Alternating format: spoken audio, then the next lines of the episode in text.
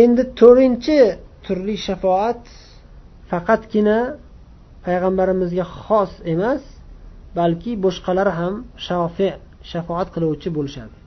Jumladan boshqa payg'ambarlar malaikalar siddiqinlar va shuhadolar qoriy qurrolar va yosh balog'atga yetmasdan yoshligida o'lib ketgan mo'min musulmon chaqaloqlar ota onalarini shafoat qilishadi. Agar ota onalari gunohkor bo'lsa ham tavhid ahlidan bo'lsa. Mana shu shafoat to'rtinchi turli shafoat nafaqat payg'ambarimizga xos boshqalar ham shafoat qiladi deb aytdik. Mana shu shafoat bilan ahli sunna va jamoa aqidasi mukammal bo'lib ajralib turadi boshqa adashgan toifalardan. Boshqa adashgan toifalar mana shu shafoat turini inkor qilishgan. Ya'ni gunohi kabiralarga yo'l qo'ygan ba'zi bir tavhid ahlidan bo'lgan musulmonlarni do'zaxdan chiqarilishliklarini ular tan olishmaydi. Mutazila havorij va boshqa adashgan toifalar ba'zilar bu to'g'ri kelmaydiku gunoh kabira qilganlar kofir bo'ladiku deyishadi. Bu haqida inshaalloh ya'ni gunoh kabiralarning hukmi haqida keyingi darslarda batafsil bayon qilib o'tiladi. Ahli kaboir gunoh kabiralarga yo'l qo'yib qo'ygan odamlarga ahli sunna va jamoaning munosabatlari munosabatlari qanday bo'ladi? Buning bayoni inshaalloh keyingi darslarda keladi. O'zining dalil isbotlari bilan. Inshaalloh. Endi yangi mavzuga o'tamiz.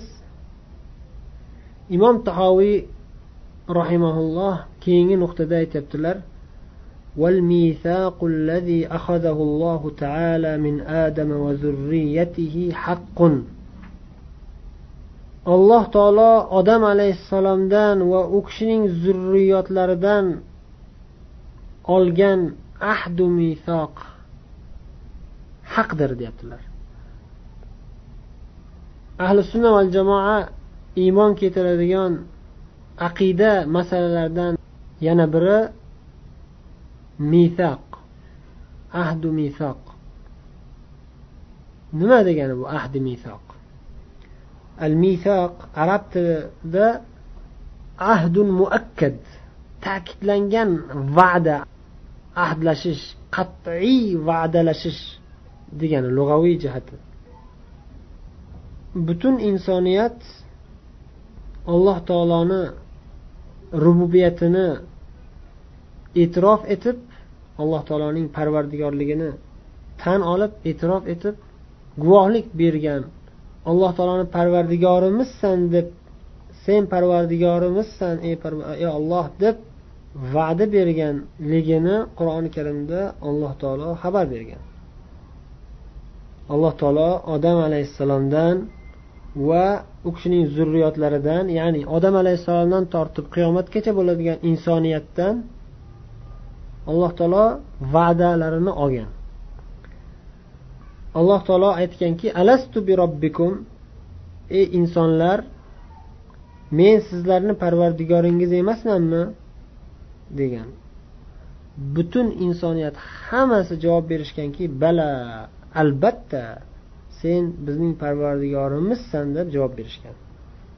Mana shu misoq mana shu ahdu misoq haqida qur'oni karimda alloh taolo o'zi xabar bergan arof surasida bir yuz yetmish ikkinchi oyatida arof surasida bir yuz yetmish ikkinchi oyatida alloh taolo aytadiki وإذ أخذ ربك من بني آدم من ظهورهم ذريتهم وأشهدهم على أنفسهم ألست بربكم؟ قالوا بلى شهدنا أن تقولوا يوم القيامة إنا كنا عن هذا غافلين. eslang ey muhammad sallallohu alayhi vasallam albatta sizni parvardigoringiz odam bolalaridan odam bolalaridan ularning bellaridan zurriyotlarini chiqarib ularning o'zlarini ustidan o'zlariga guvohlik berdirib alastu birobbikum deb men sizlarni parvardigoringiz emasmanmi? deb so'rab ularning guvohliklarini olgan qolu bala ular aytishdiki balo albatta. Sen bizni parvardigorimizsan deb guvohlik berishgan. Shahidina biz guvohlik berdik. Sen albatta sen bizning parvardigorimizsan deb guvohlik berishgan. Nimaga bunday qildik? Toki sizlar ey odamlar ey insoniyat qiyomat kuni ollohni huzuriga borganinglarda biz bu narsalardan g'aflatda edik. Ya'ni biz bu narsani bilmas edik. Seni parvardigoringligini biz bilmagan edik demasliklari uchun mana shunday qildik. Ya'ni ularning ahdu misoqlarini oldik va'dalarini guvohliklarini oldikki sen parvardigorimizsan bizni bizning parvardigorimiz sensan ey alloh taolo deb va'dalarni oldik degan ma'noda alloh taolo o'zi arof surasida xabar berdi. Va bir qancha hadislarda sahih hadislarda ham mana shu ahd misoq haqida rasululloh sollallohu alayhi vasallam xabar berganlar. Alloh taolo odam alayhissalomning bellarini silaganda va ana shu odam alayhissalomning bellarini silab u kishining zurriyotlarini qiyomatgacha bo'ladigan zurriyotlarini juda ham kichkina kichkina chumolilardek juda ham kichkina e, suratda ularni chiqarib hammalarini bir joyga to'plab odam alayhissalom bellaridan chiqarib ularni bir joyga to'plab ulardan o'zlarini guvohliklarini olgan degan ma'nolarda hadislar kelgan. Aksar hadislarda odam alayhissalomni bellaridan zurriyotlarini chiqarilganligi xabar berilgan. O'sha payt zurriyotlarini chiqarib ba'zi bir hadislarda kelishicha ahli jannatlarni bir bir alohida bir toifa qilib alohida bir qismga bo'lib ahli do'zaxlarni alohida bir qismga bo'lingan. Mana bular odam alayhissalomdan bo'lgan zurriyotlarning mana bu qismi jannatga degan alloh taolo mana bu qismi do'zaxga degan. Alloh taolo o'zi shunday ajratib qo'ygan. Mo'minlaru musulmonlarni o'sha payt. Ba'zi bir hadislarda ana shu payt ana shu odam zurriyotini odam alayhissalom belalaridan chiqarib ularni gapirtirganligi kelgan ba'zi bir hadislarda. Bu hadislarning e, san'at jihatidan muhaddis ulamolar sahih hadis darajasida emas deyishgan ba'zilarini ya'ni olloh gapirtirganligini. Ana shu odam alayhissalom zurriyotlarini o'sha payt odam alayhissalom hayotlari payt gapirtirganligi. Men sizlarni parvardigoringiz emasmanmi? Degani ular ha sen bizning parvardigorimizsan deb gapirganliklari lafz shu lafz bilan gapirganliklarini ba'zi ulamolar sahih emas deyishgan. Shu misoq haqida ahdu misoq olinganligi haqida eng sahih hadislardan biri buxoriy va muslim rivoyat qilgan sahih hadisda alloh taolo do'zax ahlidan bo'lgan do'zaxni eng yengil azobida yotgan do'zaxda azoblanayotganlarning eng yengilini ya'ni abu tolib bo'lsa kerak balkim shu abu tolibga yoki do'zax ah-, azob do'zax ahlining eng yengil azob bilan azob bilan azoblanayotgan odamga alloh taolo aytadiki ey bandam deydi agar hozir senga butun yer yuzidagi boyliklar berilib mana shu boyliklarni muqobilida sen shu boyliklarni hammasi hozir sengayu lekin shuni bersang seni do'zaxdan chiqaramiz deyilsa berarmiding? Ya'ni butun yer yuzidagi barcha boyliklarni barcha imkoniyatlarni hatto mulk podshohliklarni hammasini senga berilsa sen shularning hammasini berib yuborib do'zaxdan chiqib olay. Shu do'zax azobidan eng yengil azob bo'lsa ham shu azobdan man qutulay deb turib shu butun boyliklarni hammasini berarmiding? Deganda u odam aytadiki ha albatta. Men butun dunyo boyliklarini butun dunyo lazzatlarini hammasini berardim shu do'zaxdan chiqarishing shartiga. Shu do'zaxdan mana shu eng yengil azob bo'lsa ham mayli kerak emas shu eng yengil azobdan ham qutqargin mani eng yengil azob degani bilan sahih hadisda kelgan eng og'ir azobdaman deb o'ylaydi azob qattiqligidan. Bo'lmasam eng yengil qiynoq eng yengil azob u. Ana shundan qutulish uchun butun dunyo boyliklarini berib yuboraman deydi. Shunda alloh taolo unga javob qilib aytadiki men sendan bu bir necha barobar yengil narsa so'ragandim. Eng oson narsani so'ragandim. Butun dunyo boyliklari kerak emas. Eng oson narsani so'ragandim man senga. Alla tushrik bi menga shirk keltirmagin degandim xolos fa abayt sen bosh tortib shirk keltirding. Yo'q deb mushrik bo'lding. Eng oson narsa edi. Shirk keltirmasliging kerak edi. Shuni talab qilgandim xolos men sendan. Boshqa hech narsa talab qilmagandim. Deb alloh taolo aytadi. Ularni qoralab uni ayblab. Mana shu hadisda ham aytyaptiki alloh taolo va anta fi sulbi adam. Sen odamni belida odamni bobongni dadangni belida yotganingda man sendan talab qilgandim. Ya'ni o'sha odam alayhissalomni bellaridan chiqarib guvohlik berdirilganini aytyapti ya'ni. O'sha payt odamni belidan chiqarilib guvohlik bergan bergansan. Sen parvardigorimsan deb guvohlik bergansan shirk keltirmasliging kerak edi ana shu guvohligingga binoan. Lekin sen shirk keltirding deyapti. Lekin mana shu ahdu misoqni ya'ni qanday suratda bo'lganligi haqida ulamolarni oralarida ikki xil qavl bo'lgan. Ulamolar ikki xil qavlga bo'linishgan. Aksar ulamolar mana shunday deb aytishgan. Ya'ni odam alayhissalomni bellaridan barcha zurriyotlarini chiqarilib gapirtirilgan. Ana shu zurriyotlar hammasi gapirgan. Hammamiz gapirganmiz o'sha payt. Ey parvardigor olloh sen bizni parvardigorimizsan deb guvohlik berganmiz va'da berganmiz. Sen parvardigorimizsan deb. Aksar ulamolar mana shu so'z bilan aytilgan ayni shu lafz bilan gapirilgan deyishadi. Lekin yana bir boshqa bir qism ulamolar ahli sunna ulamolaridan yana bir qismlari yana bir guruhlari aytishadiki yo'q ayni bunday lafz bilan bo'lgan bo'lishi shart emas deyishadi.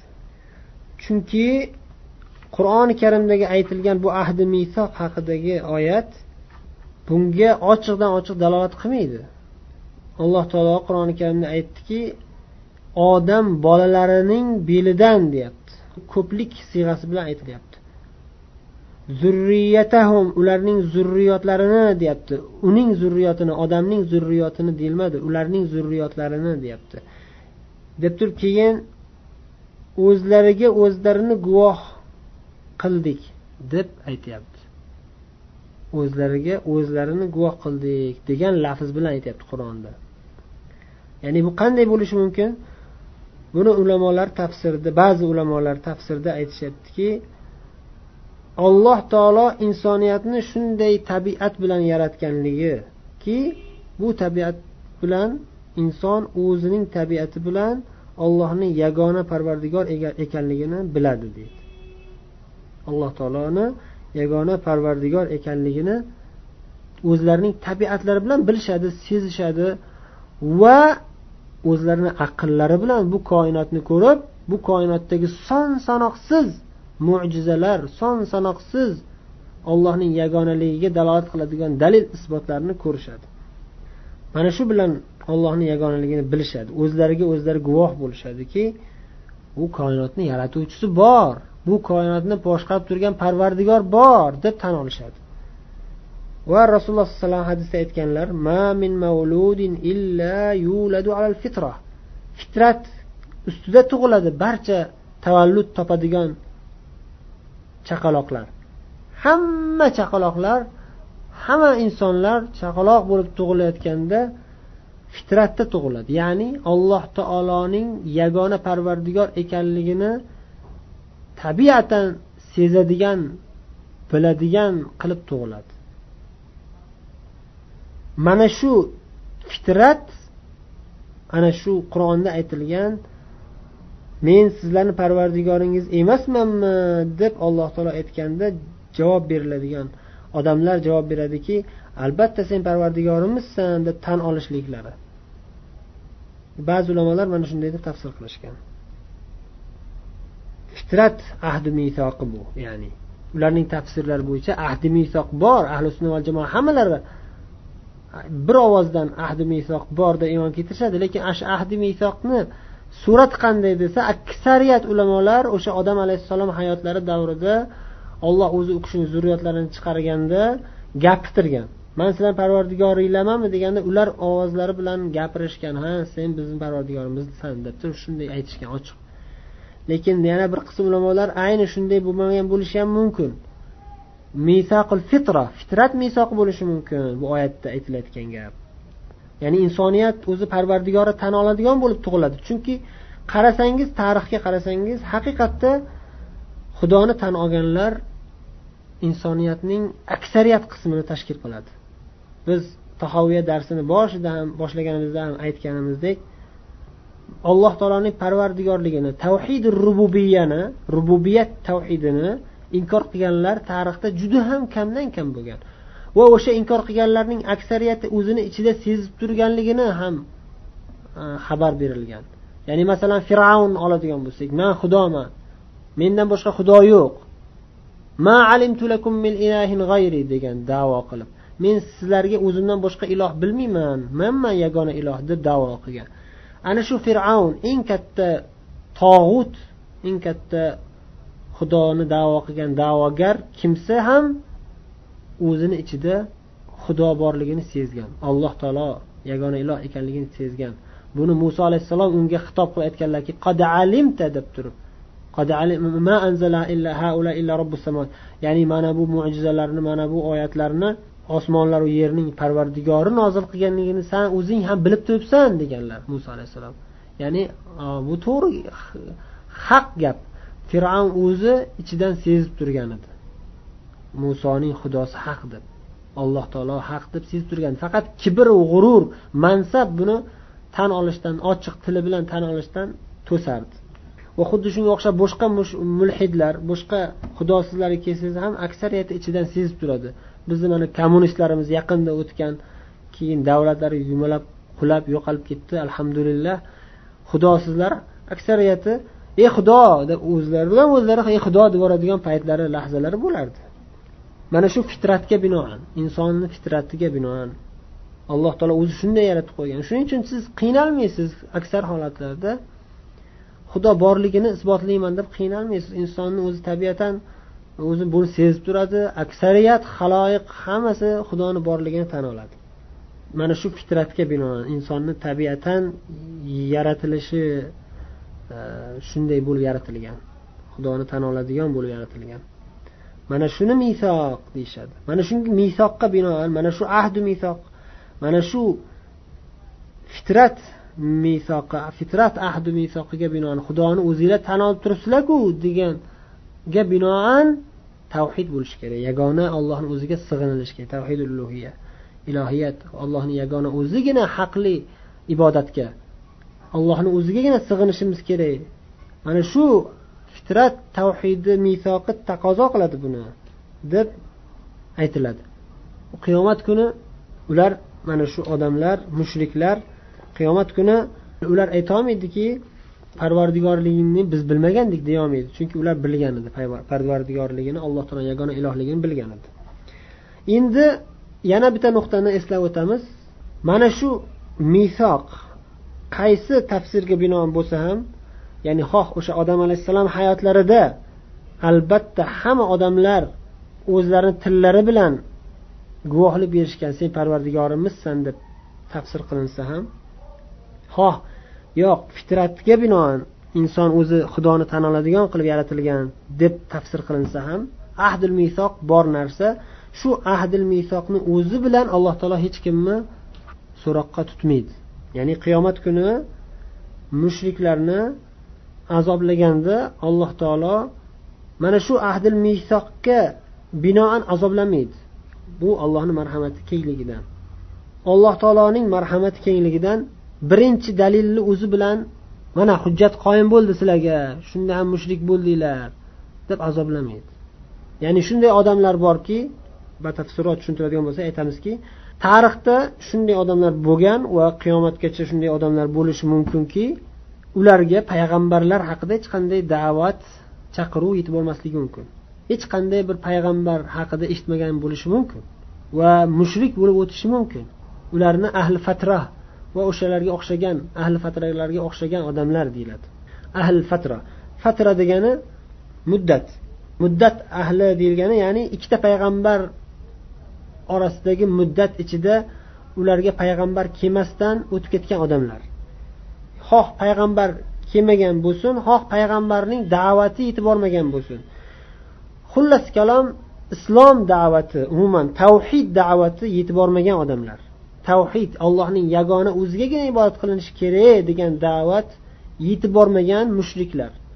Butlarga sig'inib o'tib ketgan odamlar bor va hech narsaga sig'inmasdan xudoni bilmasdan o'tib ketgan odamlar bor. Xudo borligini sezgan bo'lsa ham ibodat qilmasdan o'tib ketganlar bo'ladi. Ana shu odamlarni olloh azoblamaydi. Shu man sandan ahdu misoq olgandimku deb azoblamaydi u odamlarni. Odam alayhissalomni bellaridan chiqarilib o'sha odam alayhissalom hayotlari davrida olingan ahdu misoqqa tayanib o'sha bilan kifoyalanib hech kimni alloh taolo azoblamaydi. Mushrik bo'lib o'tib ketgan bo'lsa agar va agar ularga payg'ambarlarning da'vati tavhid da'vati oddiy insonlar orqali yetib bormagan bo'lsa. Chunki alloh taolo qur'oni karimda aytib qo'ydiki isro surasining o'n beshinchi oyatida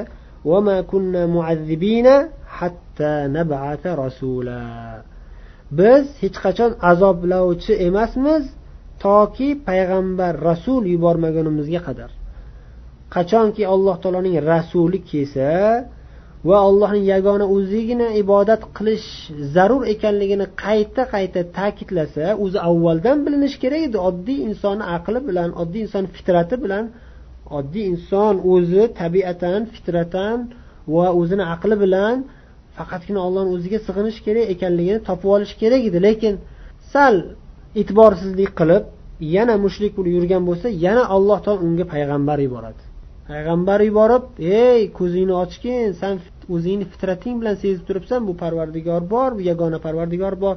Faqatgina o'shanga sig'inish kerak shirk keltirmaslik kerak ibodat qilmasdan o'tmaslik kerak ibodat qilish kerak allohni o'ziga deb da'vat qilib payg'ambarlarni yuboradi alloh taolo va o'sha payg'ambarlarga iymon keltirganlar mo'min bo'lib ularga qarshi bo'lganlar mushrik bo'lib ajraladi ikki toifaga bo'linadi ammo bu payg'ambarlar yetib bormaganlarchi? Payg'ambar haqida hech narsa eshitmaganlar yoki eshitgan bo'lsa ham butunlay teskari uslubda yetkazilgan. Hozirgi kunda butun dunyoda islomni sha'niga loy chaplab islomni sha'nini qoralab islomni butunlay noto'g'ri suratda tasvirlab odamlarni adashtirayotganlar bor. Juda ham ko'p million million odamlar televizor radio gazetalar orqali islom juda ham vahshiy din islom juda ham yomon din deb turib tushunib qolgan. Miyasi aynib qolgan.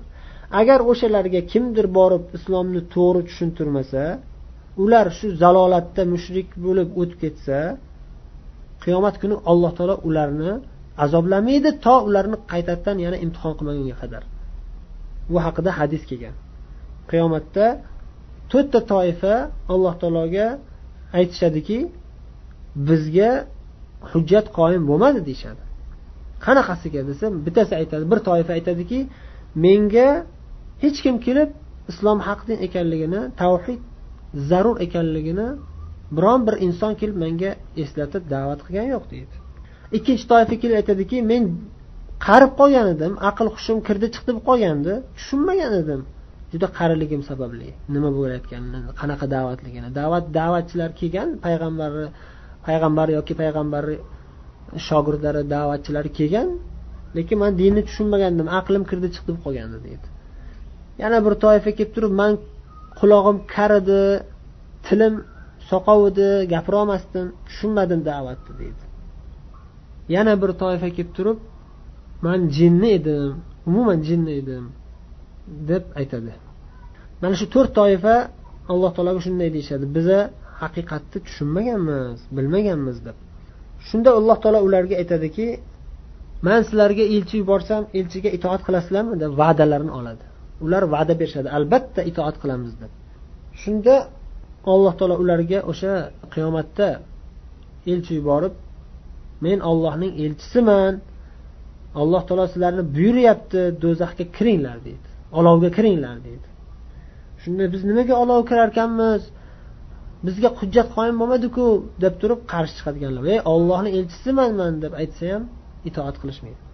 Ana shular mushrik kofir holatida do'zaxga uloqtirib majburlab do'zaxga uloqtirib tashlanadi. Ularga hujjat qoyim bo'ladi.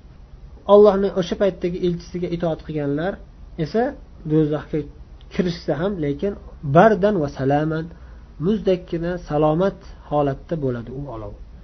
Shu bilan ular keyin jannatga kiritiladilar shu o'rinda biz munosabat kelganda ta'kidlab aytib o'tamizki biz musulmonlarning bu zimmamizda juda ham katta vazifa. Islom dinini odamlarga to'g'ri tushuntirib yetkazishimiz kerak.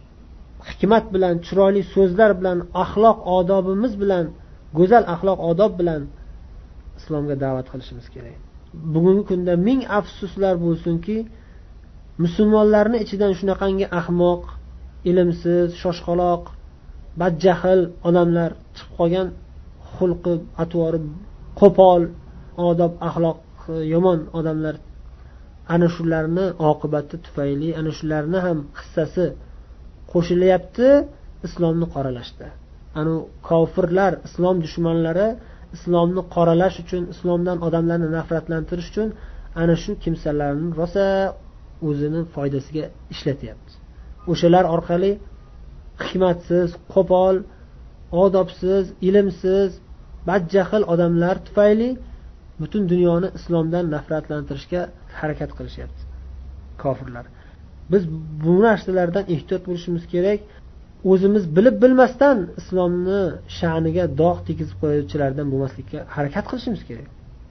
Bu narsa mas'uliyati juda og'ir.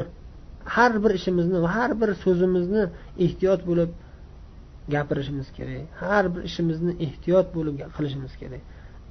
Gapirayotgan gaplarimiz qilayotgan ishlarimiz islomni foydasigami yoki islomni zararigami ehtiyot bo'lishimiz kerak? Alloh taolo o'zi barchalarimizni xolis va hikmatli bandalardan qilsin. Alloh taolo aytadiki kimgaki hikmat berilsa darhaqiqat unga juda ham ko'p yaxshiliklar berilgan ekan. Ko'p yaxshiliklar berilgan bo'ladi dedi. Demak misoq ahdu misoq haq. Alloh taolo odam alayhissalomdan va u kishining zurriyotlaridan olgan ahdu misoq haq deb iymon keltiramiz. والله أعلم وصلى الله وسلم وبارك على نبينا محمد. والسلام عليكم ورحمة الله وبركاته.